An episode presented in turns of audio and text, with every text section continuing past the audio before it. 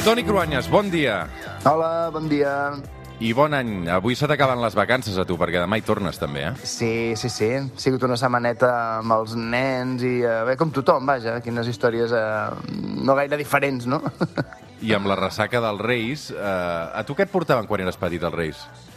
A veure, a mi em portaven moltes coses de les típiques, no? I aquelles dels, eh, de les coses més eh, somiades van ser doncs, una bicicleta, un patinet en un moment determinat, però, clar, m'agradaven molt els llibres. La veritat és que m'agradava i m'agrada que, em, que em regalin llibres, sí. Llibres eh, tipus què? Uh, bueno, m'agradaven molt els llibres d'aventures i de viatges, i clar, els que m'agradaven més eren les de Jules Verne, per exemple. A casa els meus avis molt sovint eren ells els que em regalaven aquests llibres, i ja sé que ara són una mica fora d'època, ho veig amb els llibres que llegeixen els nens a casa, eh? Però, mira, aquest any es van fer els 150 anys, que es va publicar La Volta al Món en 80 dies, i mira, no m'he pogut resistir a parlar-ne. Doncs avui amb el Toni Cruanyes una altra història, la història de Jules Verne. Soy Willy apostador, que se juega con honor la vuelta al mundo.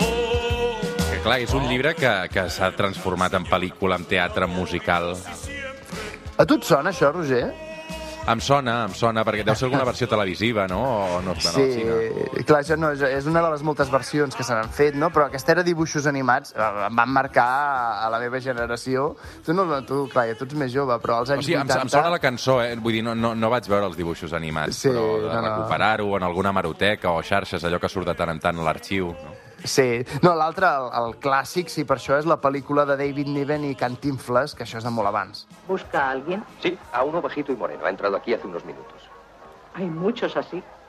Siéntese. Clar, Jules Verne és ben bé que, que ha inspirat moltes generacions, de, sobretot de nens i nenes, però, però no només nens. Vull dir que adults també molta gent el té de referència. Clar, jo, jo penso que és el seu gran mèrit, perquè se'l considera com un dels pares del gènere de la ciència-ficció, i clar, si del que es tractava és d'imaginar un futur avançat tecnològicament, el més difícil hauria estat ser capaç que els seus llibres superessin els invents que ara ja existeixen i que ell tan sols havia imaginat. Per exemple, eh, tal com havia imaginat Jules Verne, la volta al món, que es podia fer en 80 dies, avui es podria fer en 11. I, i de fet, si només es fes en avió, podria fer-se en tan sols unes hores. Però, clar, per què encara ens agrada? Doncs perquè la gràcia dels seus llibres és la suma de la imaginació, però també l'aventura i, i el caràcter dels seus personatges. Ara sentíem el nom propi de Phileas Fogg, que és el protagonista de la Volta al Món en 80 dies indubtable, no? Sí, a veure, era el típic uh, gentleman de Londres, de l'època victoriana, que un dia, uh, quan es va inaugurar la connexió ferroviària que travessava el nord de l'Índia, va calcular que allò suposaria una millora tan gran en la interconnexió mundial que es podria fer la volta al món en trens i, i vaixells, sobretot, en tan sols 80 dies. Els altres gentlemen del seu club privat de Londres se'n van riure i així és com va començar una aposta que el portaria a una de les aventures més increïbles i més conegudes de tots els temps. Mm. Clar, aquesta és la història d'un viatge aparentment creïble, encara que molt arriscat i amb molts problemes per aquella època, però què, què me'n dius després de les 20.000 llegües de, del viatge submarí o del viatge al centre de la Terra, Toni? Home, eh, Jules Verne va predir amb molta precisió l'aparició d'aparells, d'invents, que després els avenços del segle XX van posar a la pràctica i van acabar existint, no? com la televisió, els helicòpters, els submarins o les naus espacials. El Nautilus, del capità Nemo, era claríssimament avançat al seu temps. El que no s'ha aconseguit, clar, és viatjar al centre de la Terra a través dels volcans, però, vaja, la investigació volcanològica posa al descobert que, que la seva idea de, de passadissos i de diferents capes sota la Terra hi són. El que té més mèrit encara és que la societat francesa de l'època de Jules Verne era molt conservadora en aspectes morals, religiosos i fins i tot científics, i així que la seva gràcia no és només que s'avanci en els invents científics, sinó que converteixi en populars aspectes del nostre coneixement de la Terra que a la seva època no eren gens assumits per molta gent, no eren gens eh, creïbles. Clar, um, la història és que amb, amb Jules Verne d'alguna manera podem viatjar als llocs més llunyans del planeta i més enllà. Sí, ell va escriure el 1865 com es preparava un viatge a la Lluna amb un coet.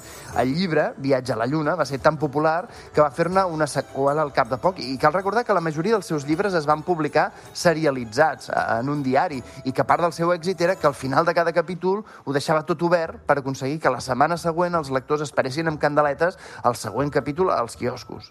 O sigui, com les sèries de televisió d'ara una mica. O, o ni això, perquè ara es publiquen tots els capítols de cop, no? Però fins fa poc que setmanalment t'arriba un capítol nou.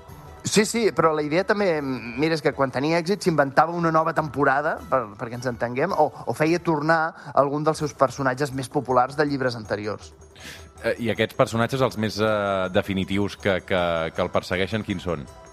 A veure, jo diria, els seus protagonistes sempre són homes, de fet se l'ha acusat de misogen, tot i que segurament Jules Verne en això, senzillament, aquí sí que era un home molt del seu temps. És veritat que els seus herois solen ser homes molt valents, que creuen en una causa, de vegades una causa perduda, i, i amb un gran sentit de la responsabilitat i de l'honor. Amb els fills del capità gran hem pogut viatjar fins a Austràlia, a un capità de 15 anys fins a Nova Zelanda, amb les aventures del capità Hatteras fins al Pol Nord. A, a mi el que més m'agrada és Miguel Strogoff, el correu del Tsar. És l'encarregat de portar un missatge molt important a la ciutat de Sibèria, d'Irkutsk, on la guarnició del Tsar està amenaçada per una revolta de tàrtars, però que en el fons hi ha una sublevació d'un exoficial del Tsar i, per tant, al final el pobre Miguel Strogoff té molts enemics que ell no sabia i, i ell al final personifica aquest valor i la devoció més absoluta per, per la seva missió. Clar, de Jules Verne diuen que amb els seus llibres, a través dels seus llibres, ens va fer viatjar per tot el planeta i més enllà, però ell diuen que mai no va sortir de França, oi? No ho sabem del cert, però és el que diu, és el que diu en la brama que corre sobre ell, que s'inspirava en llibres de ciència i que per als personatges ho feia sempre en els personatges del seu entorn, la gent que coneixia. Per exemple, diuen que el metòdic i estricte Phileas Fogg està inspirat en el seu pare i que el capità Nemo, que era un home incomprès però tossut, eh, era ell mateix, el mateix Jules Verne. Vaig amb pes, a motor vegetal, mineral, no és igual, té volant amb el vent. Avui fins de les 9 del matí, aquest hola-la dels Antònia Font, que diuen que van a París, com Jules Verne. Toni Cruanyes, bon diumenge, bona tornada a la feina, una abraçada. Bon diumenge.